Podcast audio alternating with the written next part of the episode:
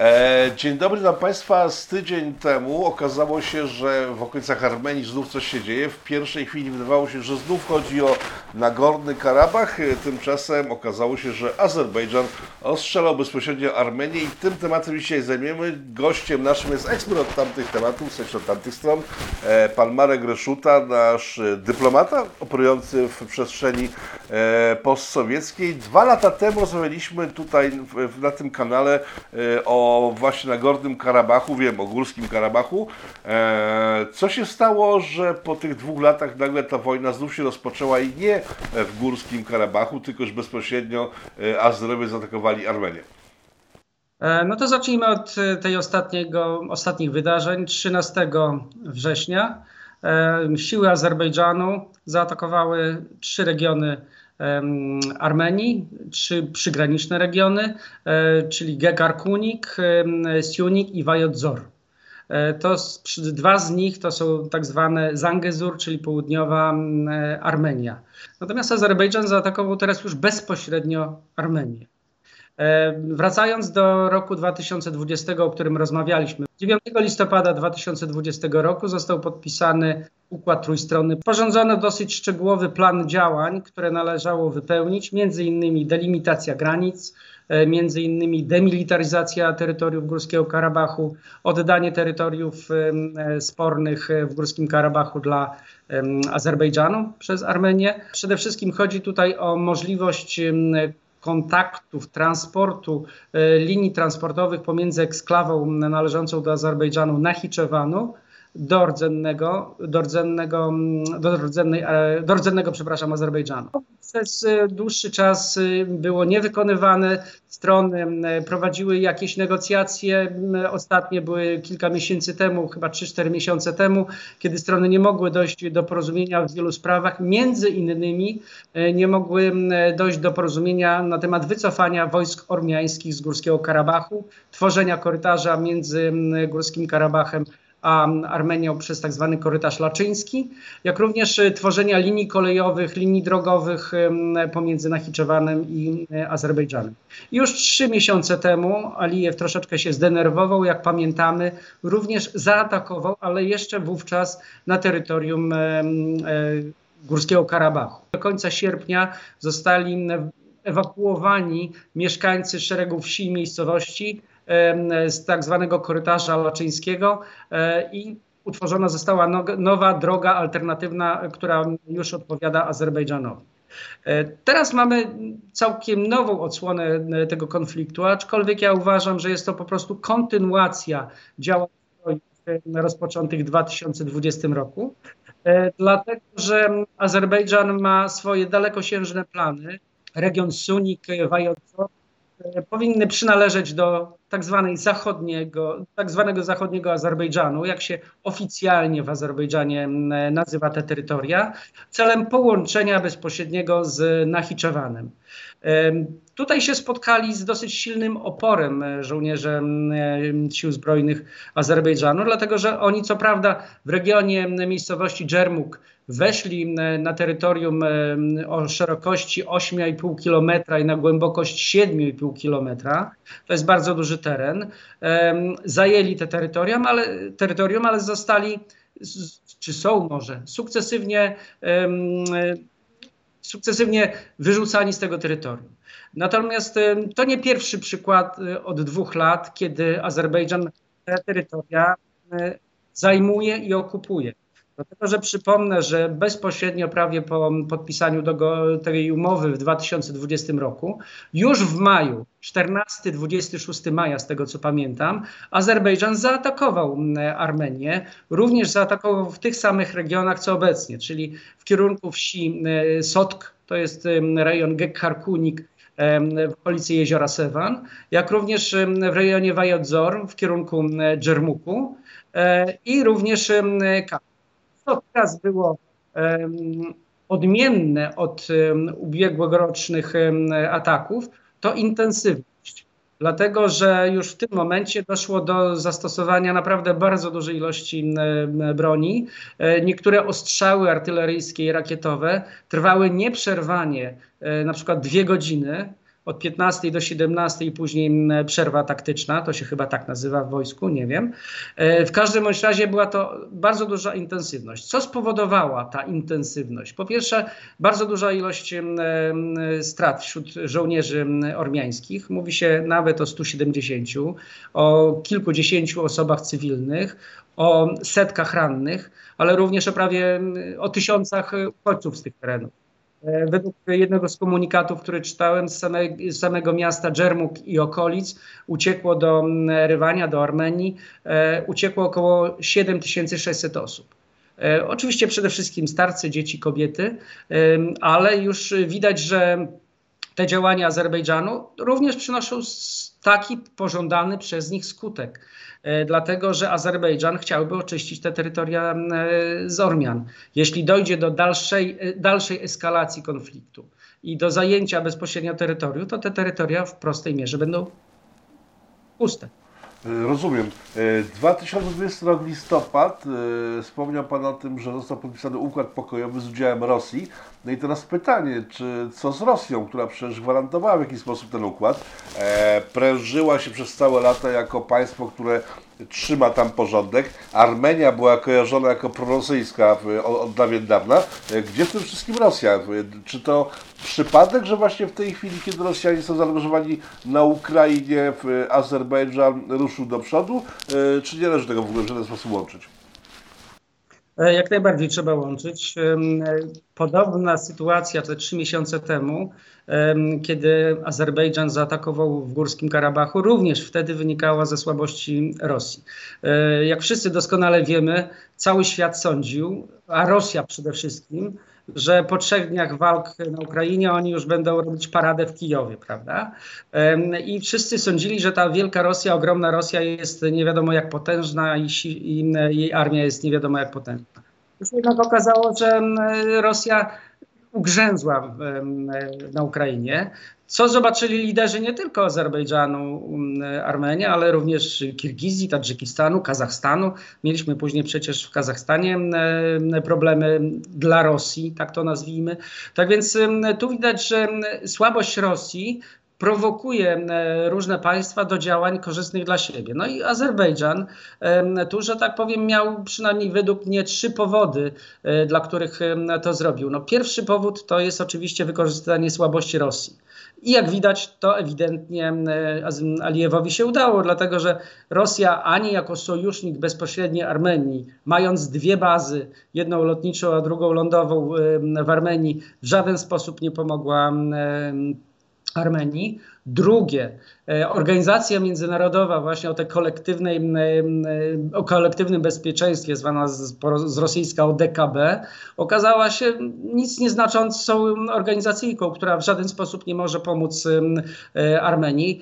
E, ODKB wysłało tylko i wyłącznie misję z, na czele z szefem tej, tej, tej organizacji, żeby pomonitorować sytuację na, te, na terytorium Armenii czy na granicę armeńską-azerbejdżańską. Okazało się, że Rosja w tym konflikcie e, jest słaba. No tak przy okazji, to w ciągu tych dwóch lat e, można powiedzieć, że w Armenii upadły dwa mity. Pierwszy mit mówiący o niezwyciężonej armii e, Armenii. E, to była ideologia państwowa praktycznie.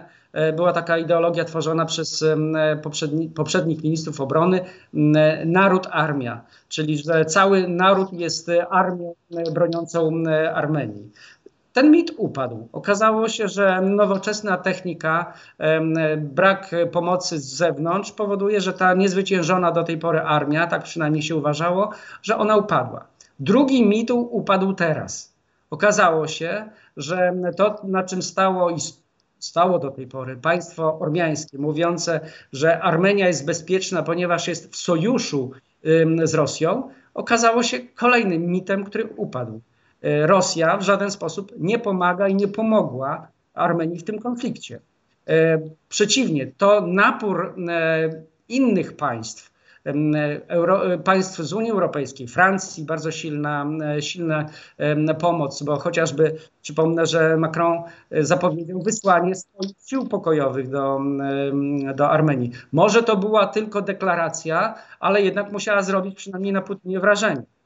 no ta ostatnia wizyta Pelosi, co prawda wcześniej zapowiedziana niż niż ten konflikt. Ona wcześniej była ustalona, ale jednak dała Ormianom taką nadzieję, że jeżeli nie Rosja, to będzie to kolejny sojusz pomoże. Tak swoją drogą wizyta Pelosi zdynamizowała e, dyplomację rosyjską, która już e, w ciągu dwóch dni zdążyła nie tylko wysłać wysokich rangą przedstawicieli do Armenii do, i do Azerbejdżanu, ale i zapowiedzieć e, kolejne wizyty, chociażby premiera Muszustina w Azerbejdżanie, czyli Rosja przestraszyła się, że może to stracić.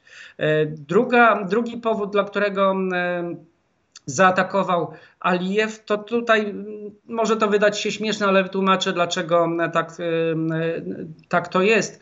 Otóż 15 września 1918 roku sprzymierzone armie turecka i wówczas y, nowo powstała azerbejdżańska Armia Narodowa zajęły Baku. Od 15 września minęło równiutko 104 lata. Baku jest uważany za stolicę e, Azerbejdżanu państwa, które powstało w 1918 roku, przypomnę. A więc dla Alijewa zdobycie przez przodków, przez Azerbejdżan w 1918 roku jest bardzo ważne historycznie i symbolicznie.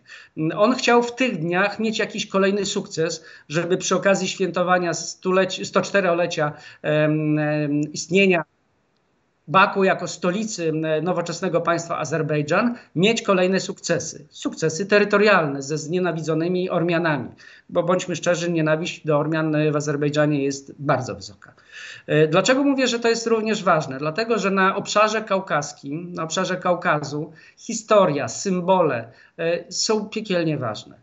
E, my sobie nie zdajemy sprawy z tego, że mm, e, jak to jest ważne, że tutaj każdy kawałek e, ziemi, który gdzieś kiedyś był zajęty, uważa się za swój tylko dlatego, że teraz jest tutaj obecne te państwo.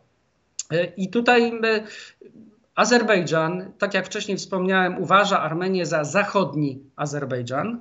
Uważa, że te ziemie należą, powinny należeć się Azerbejdżanowi. Rywań, według e, oficjalnej polityki, według wypowiedzi prezydenta Alijewa, jest starożytnym miastem e, azerbejdżańskim, które nazywać Irewan. No, dochodzi oczywiście do takich absurdów, jak na przykład ostatnio wystawa archeologiczna bodajże we Frankfurcie, e, kiedy to e, na jakichś szczątkach e, czerepów glinianych na gablocie było napisane Urartu, państwo przypomnę istniejące 3000 lat temu, z napisem Azerbejdżan to już było, że tak powiem, kolejne, kolejne może nie przekroczenie, ale normalna sytuacja. Przypomnę, że na przykład do dzisiaj istnieje w Armenii coś takiego jak parlament zachodniej Armenii, czyli terytoriów, które obecnie należą do Turcji. Istnieje parlament, istnieje rząd na uchodźstwie, a więc to nie jest uznawane przez państwo armeńskie za poważna, poważną organizację, ale również są takiego typu przymiarki. A więc zdobycie tych terytoriów w tym czasie, w okolicy 15 września, czyli 13 był atak, e, sądzono, że 2-3 dni zdobędą Azerbejdżanie jakieś bardzo ważne terytoria, a ja myślę tu w tym kontekście o dwóch, konkretnie o, o miejscowości Sotki i o miejscowości Dżermuk. Zaraz wyjaśnię dlaczego. Otóż wydaje się, że to był ten symbol. No i właśnie dlaczego ten Sotk i dlatego ten Dżermuk? No wydawałoby się, że taka wioska, która jest niezbyt wielka, cóż ona może znaczyć? Otóż może znaczyć. W 2020 roku, po podpisaniu układu tego trójstronnego, e, terytorium e, okupowane przez Ormian, i to jest oficjalna nazwa nawet w Armenii, bo to był tak zwany teren bezpieczeństwa, konstatuje z rejonem Wardenis w obecnej Armenii. Ale pomiędzy nimi znajduje się ogromne złoże złota. I kopalnia znajduje się w miejscowości Sotka. Tam oczywiście była bardzo duża baza wojskowa Armenii. W te dni została zmieciona z ziemi. E, natomiast już rok temu Azerbejdżan twierdził, że całe złoże, właśnie te Sotk, powinno należeć do Azerbejdżanu. Podobną sytuację mamy w Dżermuku. Dżermuk jest miejscowością mm, typu kurort, Kudowa Zdrój, coś w tym stylu, może Ciechocinek. I wydawałoby się, że tam nic wielkiego nie ma. Obok jest ogromne złoże Amulsar, jedno z największych złóż złota w regionie. E, Amulsar zawiera podobno również uran. Jest to poza, poza tym ogromna, ogromny rezerwuar wody. E, tak więc jest się o co bić. Stąd te dwa ataki w tych kierunkach, bo w innych wypadkach, e, w niektórych wsi, to była moim zdaniem chęć przestraszenia celem wypędzenia, tak to nazwijmy. Rozumiem. Padła odpowiedź na pytanie, którego nie zadałem, miałem zadać za chwilę, czyli czy to są kwestie e, symboliczne, czy może są to kwestie strategiczne. Już wiem, że chodzi o złoto i uran. Wróćmy do Pelosi. Ona przyjechała z konkretami i zostawiła coś konkretnego na miejscu, czy to był przyjazd taki ku pokrzepieniu ormiańskich serc? Znaczy wizyta e, Pelosi, ona już była wcześniej zapowiedziana, jeszcze przed, czy wcześniej przygotowywana przed tym atakiem. Natomiast ona bardzo dobrze się wpisała w, w nadzieję Ormian. I wszystkie słowa, które padły, wszystkie deklaracje e, są odczytywane w Armenii jako już chęć chęć, że tak powiem, wsparcia Armenii we wszystkich jej działaniach. Słusznie czy nie?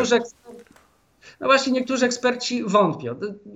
Jeden z moich znajomych e, podpowiedział mi taką pewną sytuację. Otóż e, e, Pani Pelosi była w, w, galerii sztuki, ale nie przypomnę sobie imienia kogo. Otóż ona stanęła przed obrazem bitwy pod Avarair. To była bitwa z 451 roku, powstanie Melkoniana przeciwko Persom. I e, pani Pelosi zaczęła ni stąd, ni zowąd opowiadać o tym, że e, ten obraz jest symbolem walki Ormian z Persami, czyli z Iranem. E, I a więc no, tutaj zaczęto się zastanawiać głęboko, czy przypadkiem jej ta wizyta, która była wcześniej zapowiedziana, nie, ma, nie miała na celu domknięcia blokady Iranu. Czyli krótko mówiąc, takiego E, poprowadzenia rozmów, aby Armenia stała się sojusznikiem Stanów Zjednoczonych przeciwko Iranowi. E, Iran, przypomnijmy, że teraz też bardzo aktywny jest w regionie. Iran absolutnie nie zgadza się na działania Azerbejdżanu. No, z, przynajmniej z trzech powodów. Pierwszy powód, e, on się absolutnie, przepraszam, Iran nie zgadza na zmianę granic dlatego że granica armeńsko-irańska jest jedyną lądową granicą pomiędzy mm, Iranem a Eurazjatycką Wspólnotą Gospodarczą. To jest jedyna granica między tymi terytoriami. A przypomnijmy, że Iran idzie w kierunku właśnie tego otworu tworzonego przez Putina. A więc tu byłoby zamknięcie tej granicy i blokada od strony Eurazjatyckiej Wspólnoty Gospodarczej. Po drugie, Przypomnijmy, że Azerbejdżan i Iran jednak są w konflikcie, tak to nazwijmy konflikcie historyczno-terytorialno-narodowym, dlatego że na północy Iranu mieszka kilka milionów Azerbejdżan. I tak naprawdę, bądźmy szczerzy, gdybyśmy już chcieli tu troszeczkę kogoś ukłuć, to prawdziwy Azerbejdżan znajduje się właśnie w Iranie. E, te północne tereny, one przychodziły różne, w różne ręce, ale ta Atropatena to jest właśnie, czy Azerbejdżan, który teraz tak go nazywamy, to jest właśnie mniej więcej z tamtych terenów pochodzi. I Azerbejdżan bardzo często przypomina Iranowi, że te tereny powinny należeć do Azerbejdżanu. No i trzeci powód, dla którego Iran zaczął przesuwać jednostki wojskowe nad, nad granicę Armenii, Górskiego Karabachu i częściowo Azerbejdżanu, bo bardzo dużo techniki zostało tam ostatnio, ciężkiej techniki, wozów bojowych zostało tam przesuniętych właśnie w ostatnich dniach, po 13 września. Obawa, że jeżeli dojdzie do zamknięcia tego korytarza zangezurskiego, czyli połączenia terytorialnego Nachiczewanu z, z Azerbejdżanem, wzmocniony zostanie sojusz turecko-azerbejdżański, czyli naturalny wróg w tym momencie dla, dla Iranu. Sytuacja jest tam bardzo złożona i my nie mamy dużo czasu, żeby to wszystko opowiadać, dlatego że gdyby tam doszło do konfliktu, to w tym momencie mielibyśmy jeszcze kolejnego gracza, o kim się zapomina Kurdowie. Kurdowie, którzy mają chęć na własne państwo już od kilkudziesięciu lat, a którzy stale wojują z Turcją, są w Iraku dosyć mocno umiejscowieni, ale również mają wpływy w Iranie, doszłoby tam do naprawdę potężnego, potężnego zaburzenia. Stąd e, wracając do Rosji. Rosja chce kontrolować te terytoria od wieków.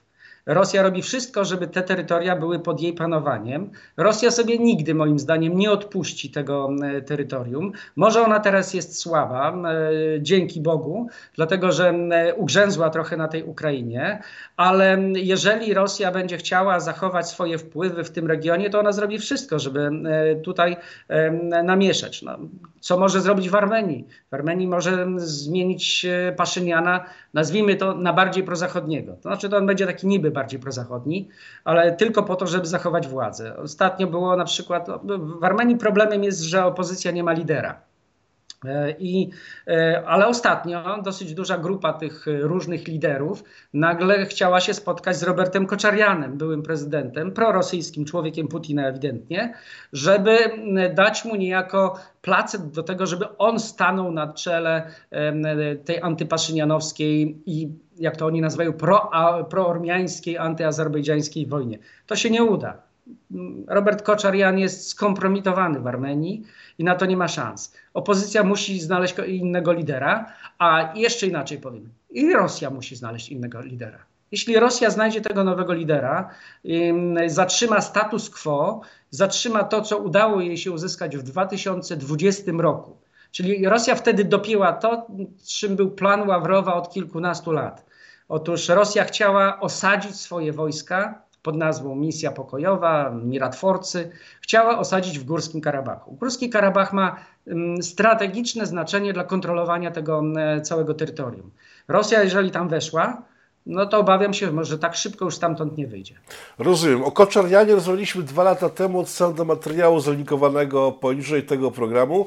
Znów następne pytanie mi umarło, bo już miałem spytać o optykę irańską całego tego konfliktu, ale to w tym razie tym razem zaatakuję pytanie, na które jeszcze nie padła odpowiedź. Eee, Turcja. Kiedy to się zaczęło, od razu Erdogan objechał tereny tamtejsze, spotkał się e, z miejscowymi władcami, wataszkami, jak nazywać ty, ty, tych ludzi. E, czy Turcja widzi dla siebie tutaj e, sytuację, w której może Mm, rozpocząć znów e, swoje, wdrażanie swoich planów z czasów upadku Sowietów, że odzyska były republiki islamskie Związku Radzieckiego dla swoich potrzeb. Jak wygląda polityka turecka w całej tej sytuacji? Bo Turcja tu też jest bardzo istotna. Turcja nie zmieniła absolutnie swojego, swojej polityki od, od lat, tego panturkizmu. Jak wspierała wszystkie ruchy dążące do łączności z Turcją w Azerbejdżanie, e, w Kazachstanie, Turkmenistanie, Uzbekistanie, tak będzie to robić. Tutaj się nic nie zmieni. E, jeśli chodzi o obecną sytuację, przypomnę, że już w w, trakcie tego konfliktu, bodajże 14 albo 15 września, dzwonili się ministrowie obrony narodowej Turcji i Azerbejdżanu. I po pierwsze, oczywiście Turcja w pełni powiedziała, że wspiera wszystkie działania Azerbejdżanu w, w tym konflikcie. Po drugie, przypomniano, i to padło dokładnie w komunikatach prasowych, minister obrony e, narodowej Turcji powiedział, że on cały czas jest wierny tej idei, którą, którą głoszą od lat. Czyli w stosunku do Turcji i Azerbejdżanu dwa państwa, jeden naród. Natomiast jeśli chodzi już o pra e, wymiar praktyczny, Według tego, co przedstawi, przedstawiły służby wywiadowcze i poprzez, poprzez dyplomację ormiańską, cały konflikt w sposób taki techniczny był przy, przygotowywany od końca sierpnia, a co najmniej od 2 września. Otóż służby ormiańskie od 2 września zanotowały nadzwyczajną aktywność lotów wojskowych e, z Turcji do Azerbejdżanu. Czyli tak jak było to w 2020 roku, Turcja dostarczała broń, dostarczała żołnierzy, a może i oficerów, którzy kierowaliby tym atakiem.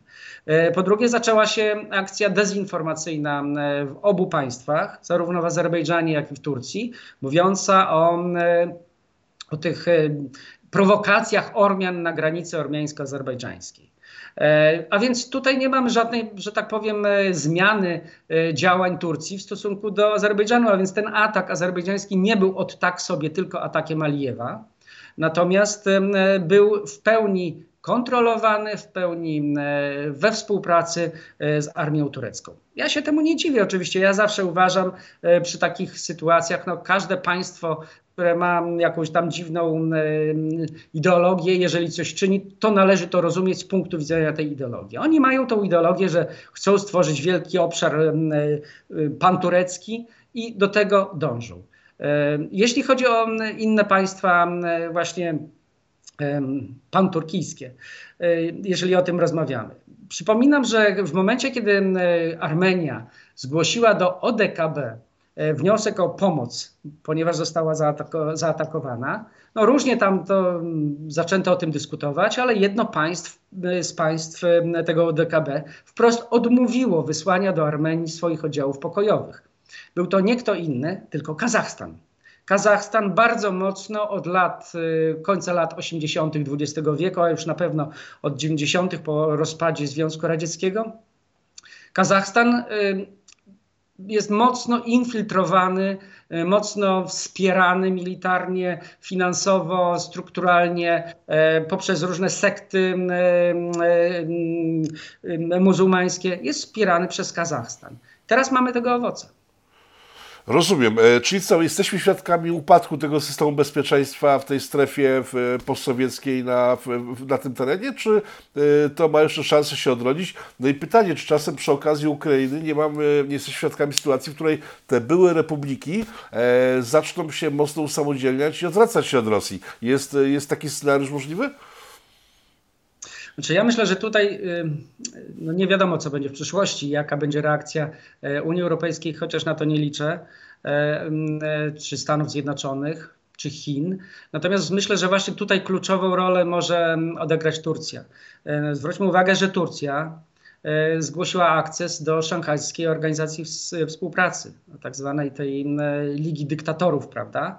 A więc, a co to oznacza? No, że w tym momencie państwo, które należy do NATO, Y, jest uważa, uważane za jeden z najważniejszych, najważniejsze państwo w tym regionie, stabilizujące poprzez NATO e, ten region, stałoby się, ja nie wiem, czy, czy, czy już wrogiem NATO, jeżeli stałoby się członkiem tego szosu, jak się to mówi.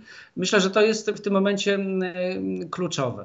E, natomiast e, ja myślę, że tu możemy mieć jeszcze gorszą sytuację co zresztą widać, po, no weźmy po tych trzech państwach, może nie po, po kilku już państwach. Pierwszą mamy tą sytuację Armenia-Azerbejdżan, konflikt otwarty. E, druga sytuacja, nieśmiało powiedziane, rzucone, ale później oczywiście z tego się wycofał, szef partii gruzińskiej Marzenie w Gruzji, który w wywiadzie powiedział, że on wcale nie jest przeciwko referendum, e, żeby czy na nowo zacząć wojnę e, z Rosją w celu odzyskania Osetii Południowej, w celu odzyskania utraconych terytoriów. Czyli no, niby to było takie rzucone, ale jednak to pokazuje jakieś nastroje w tej Gruzji, że a może by spróbować odebrać te właśnie utracone, okupowane przez Rosję terytoria. Teraz mamy cały czas ten konflikt e, Kirgizji z Tadżykistanem. Kolejny konflikt, e, który Rosja w jakiś sposób musi zareagować, starać się uspokoić. To wszystko, mimo że to są oczywiście odrębne państwa, czy też jeszcze jest troszeczkę separatystycznych republik w samej Rosji, to w tym momencie Rosja zaczyna troszeczkę trzeszczeć. I jeśli tu mamy, mamy podobną sytuację do rozpadu Związku Radzieckiego. Otóż rozpad Związku Radzieckiego był niekontrolowany do pewnego momentu ale kiedy zbyt wiele państw zechciało wyjść z Rosji, a przypomnę, że tak to jest ciekawostka. Pierwsze państwo, które zgłosiło suwerenność, pierwsza, pierwsza republika, która ogłosiła suwerenność, to nie była Kazachstan, to nie była Białoruś, to nie była Ukraina, ani Gruzja. Pierwsze pa państwo, które oficjalnie ogłosiło, republika, przepraszam, e, ogłosiło suwerenność, to była Osetia Północna. Dosyć szybko spacyfikowana.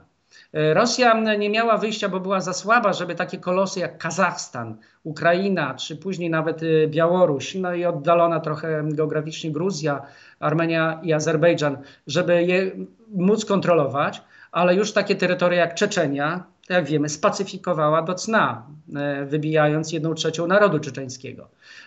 Przez co przestraszyła inne państwa, e, które miały i inne republiki, a przypomnijmy, że były plany, żeby się Kaliningrad odłączył. Była i do dzisiaj istnieje partia, która tego żąda. Znaczy, może nie tyle istnieje, co istniała, bo jej członkowie teraz są gdzieś tam e, w różnych koloniach karnych, prawda? Były również ruchy separatystyczne, żeby Syberia odeszła jako odrębna republika i tak dalej, i tak dalej. I teraz Rosja, tego, czego, tego trzeba się bać bo bądźmy szczerzy, że Rosja w takich wypadkach jest nieobliczalna i żeby to się gdzieś tam w którymś z państw nie skończyło kolejną Czeczenią. Rozumiem. Czy coś możemy dodać do samego konfliktu ar armeńskiego w tej chwili? Bo ten, ta sprawa e, rozpadu Rosji, którą, no, tak jak Pan powiedział, trzeszczy, widać, że trzeszczy, jest myślę tematem na osobne spotkanie, ale czy wokół armeńskiego konfliktu coś jeszcze należy dodać e, do tego, o czym mówiliśmy? Tak, e, miałem to na myśli mówiąc o trzech powodach, a wymieniłem tylko dwa. E, chodzi właśnie o terytoria południowej Armenii. Otóż e, ten Zangezur i to, co wynika częściowo, jest różnie interpretowane w Armenii, a różnie w Azerbejdżanie. Chodzi o te korytarze transportowe z Azerbejdżanu do Armenii. Otóż, jak wszyscy doskonale wiemy, Azerbejdżan ma, ma ogromną chęć też przestać być blokowanym. Bo jeśli popatrzymy na Azerbejdżan, to z góry mamy Rosję, która go blokuje i wiadomo, co od tej Rosji może się spodziewać. Od południa mamy Iran, a od wschodu mamy Armenię. I tak naprawdę jednym z powodów, dla których Azerbejdżan tak aktywnie działa przeciwko Armenii, bo nie może działać przeciwko Rosji ani Azerbejdżanowi, jest chęć podporządkowania sobie e, regionu Sunik, czyli tego Zangezuru, czyli nazwijmy to korytarza transportowego, po to, żeby móc bez przeszkód żadnych, bezproblemowo sprzedawać swoje nośniki energetyczne do Turcji, do Europy i w ogóle na cały świat. Dlatego, że Azerbejdżan nie ma innego wyjścia. No, z jednej strony z, z, ze wschodu ma Morze Kaspijskie, na północy Rosja, trochę Gruzji, którą wykorzystuje pod względem ekonomicznym jak tylko może, ale to też nie jest, że tak powiem, zbyt bezpieczne, dlatego że Rosja jest zbyt blisko różnych rurociągów, które płyną z Azerbejdżanu do Turcji przez Gruzję. Tam e, jest jeden z takich odcinków, e, nie przypomnę sobie miejscowości, gdzie Rosja jest w okolicy, czyli Osetia Południowa okupowana przez Rosję, w okolicy około 500 metrów od trasy raz, że drogowej, a dwa, że od rurociągów. I tam wystarczy jeden czołg, który w ciągu kilku minut przejedzie i zatrzyma się na tej autostradzie e, z Azerbejdżanu do, do Turcji, tak to nazwijmy, przez Gruzję i wszystko zostanie zablokowane. Stąd też Azerbejdżan poszukuje alternatywnej drogi transportu czy wyjścia na świat właśnie poprzez tą niestety Armenię. Ta Armenia ją troszeczkę blokuje, e, czy Azerbejdżan. A przypomnijmy, że w lipcu 2000, no znaczy w lipcu tego roku Azerbejdżan zaktywizował się w propozycjach sprzedaży do Europy swoich nośników, szczególnie mówię o gazie. E, aczkolwiek nie tylko, dlatego że Alijew bodajże w maju tego roku ogłosił, czy zażądał od swoich przedsiębiorstw produkujących energię elektryczną zwiększenia eksportu tego no, energii elektrycznej do Turcji, a może i również i dalej.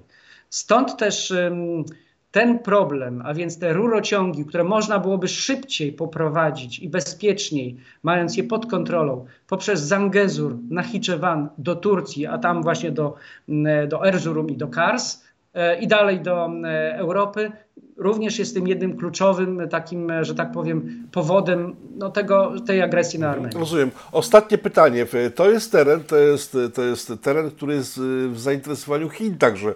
Czy Chiny w jakiś sposób reagują na to, co się dzieje w tej chwili e, między Azerbejdżanem a Armenią, czy jak to wygląda? Czy Chiny są bardzo aktywne na terenie Kaukazu, ale ich się tak naprawdę, no, powiedzmy, nie widuje. E, ja tu zawsze opowiadam o sytuacji, kiedy w Tbilisi Chińczycy budowali ogromne osiedle i kilkadziesiąt obiektów sportowych na międzynarodową e, Spartakiadę jakąś tam e, i mieszkając wtedy w Tbilisi ja nie widziałem ani jednego Chińczyka. A się dowiedziałem, że później jakaś nowo wybudowana część Tbilisi, jakaś dzielnica należy tak naprawdę do nich. Może inaczej oni mają to pod kontrolą. Podobnie w Armenii. W Armenii już po dojściu do władzy Azerbejdżanu, przepraszam, to, no, obym się nie przejęzyczył, po dojściu do władzy Paszyniana, a z, Chińczycy wygrali kontrakty na budowę korytarza transportowego z Iranu do Gruzji. To jest o tyle ważna rzecz, że Chińczycy budując te swoje, jak to się nazywa, nowy jedwabny szlak, prawda? E, oni mają kilka różnych alternatywnych projektów. E, z tego, co mi opowiadał dwa lata temu jeden z ekspertów ormiańskich, który uczestniczył bezpośrednio w tych rozmowach e, również z Chińczykami, e, sprawdzono możliwość jak najszybciej przesłać jeden kontener do Europy, dokładnie do Holandii. Sprawdzano te wszystkie trasy eksperymentalnie. Okazało się paradoksalnie, że dostarczając do portów w Iranie kontenery, przez Iran, Armenię do Gruzji, później z portów do Rumunii e, i drogami kolejowymi do Holandii, byłoby to najszybsza trasa. Problem jest, był w tamtym czasie jeden, który oczywiście był powiedziany, otóż no, góry w tej Armenii. No, ten rejon, region Siunik, szczególnie jest bardzo górzysty i tam trzeba byłoby wydać naprawdę miliardy dolarów, żeby przekopać jakieś tunele, wykopać e, drogi. I e, ekspert ten mi powiedział, że kiedy no, powiedziano, że my Ormianie, tak mi ekspert mówi, przecież nie mamy takich pieniędzy, to odpowiedź była krótka, że jeżeli będzie wola polityczna ze strony Chińczyków, to oni to zbudują. E, oczywiście Rosja robi wszystko, żeby przeciwdziałać tym działaniom Chin, na działaniom Chin na terytorium Kaukazu, bo ona uważa, że akurat to też jest dla niej zagrożenie. Rosja chciałaby mieć pod kontrolą szereg tych elementów e, jedwabnego szlaku, a przypominam, że to nie jest tylko kolej, nie jest, są tylko drogi ale to są również e, linie informatyczne, ogromne linie informatyczne, ogromne linie przesyłu informacji, gdzie Chiny już zainwestowały dziesiątki miliardów dolarów e, w Rosji, ale również w państwach regionu, w Uzbekistanie, Kazachstanie, na budowę właśnie takich linii. Chiny w chwili obecnej przyglądają się całej sytuacji. Ja, to znaczy, ja nigdy po Chinach nie oczekuję nagłego. Tak jak e, bywa w naszych państwach europejskich, coś się zdarzy 13, już 14 konferencja prasowa i ktoś krzyczy. Chińczycy raczej, oni muszą się przyjrzeć całej sytuacji i bardzo po cichu, dyplomatycznie ustalać z, z wszystkimi uczestnikami e, konfliktu, jak ma się sytuacja. Także bardzo często nie dowiemy się o, o tym, jak działają Chińczycy. I no, na zakończenie przypomnę tylko o jednej no, autentycznej historii, ale i dowcipie. Otóż e, zapytany przez e, chyba kogoś z Europy, dyplomata, wysokiej rangą dyplomata chiński, jak oceniają e, skutki rewolucji francuskiej, dyplomata chiński odpowiedział, że no jeszcze jest za wcześnie, żeby do końca móc ocenić te skutki. Ja więc, to więc mnie pokazuje, w jaki sposób oni działają. Po cichutku, przemyślanie, konsekwencje, konsekwentnie. Jeśli tutaj się będzie toczyła wojna pomiędzy Armenią a Azerbejdżanem, to oni z obu stron uzyskają gwarancję, że dla inwestycji chińskich czy interesów chińskich na tym terenie nic się nie stanie. Ale to jest filozofia, filozofia azjatycka. Pamiętam w Bangkoku spytałem taksówkarza, co sądzi o nowym królu, który już parę lat był królem. On powiedział, no nie, nie, nie, to trzeba trochę poczekać. Ja tak, ale ile? No, z 50-100 lat, który będzie wiadomo, jakim był królem. Także to, to, jest, to jest mądrość schodu. E, Pani Marku, bardzo dziękuję. Ale to jeszcze, to jeszcze jeśli mogę o królu bo akurat okay. jesteśmy dzisiaj w takim dniu, w dniu, kiedy mamy e, pogrzeb królowej Elżbiety. Otóż nie wiem, czy pan redaktor wie, że Ormianie czekają na to, że kolejnym królem będzie w Wielkiej Brytanii będzie Ormianin. To nie jest dowcip, dlatego że ormiańscy, a może jest dowcip. Otóż ormiańscy naukowcy już dawno wykryli, że księżna Diana poprzez e, no, nie wiem, 300-200 lat wstecz miała korzenie ormiańskie. Dla Ormian e, nawet e, 1%, 2% e, pochodzenia ormiańskiego jest bardzo ważne. E, A więc w związku z tym, ponieważ e, ustalono, że księżna Diana od 200 lat pochodzi gdzieś tam, czy 150, nie- już nie pamiętam, od Ormian, to znaczy, że jej syn również jest Ormianinem. A to oznacza, że po królu Wielkiej Brytanii Karolu III następny król będzie Ormianinem. E, nie wykluczone, że będzie też Polakiem, gdyż widziałem takie nasze z kolei analizy, z których wynikało, że raptem 3 czy 4 pokolenia temu e, królowa Elżbieta p- pochodziła od e, prababki Polki. Także myślę, że wiele nacji będzie miało jednego króla w najbliższym czasie. Ale to, ozna- to oznacza również, że e, już nie wiemy za ile lat, może 30, 50, już niech, niech król Karol żyje jak najdłużej. Na tronie będziemy mieli m, króla ormiańsko-polskiego pochodzenia. Czekajmy na to na spokojnie. Tak jak powiedzieliśmy chwilą, 100-200 lat to nie jest jakiś strasznie długi okres czasu. Panie Marku, dziękuję za przedstawienie optyki, w której są Amerykanie, Rosjanie, Turcy, Irańczycy, no, Chińczycy, wszyscy dookoła. E, państwa moim gościem był pan Marek Reszuta, nasz człowiek e, w postsowietach, siedzący po uszy.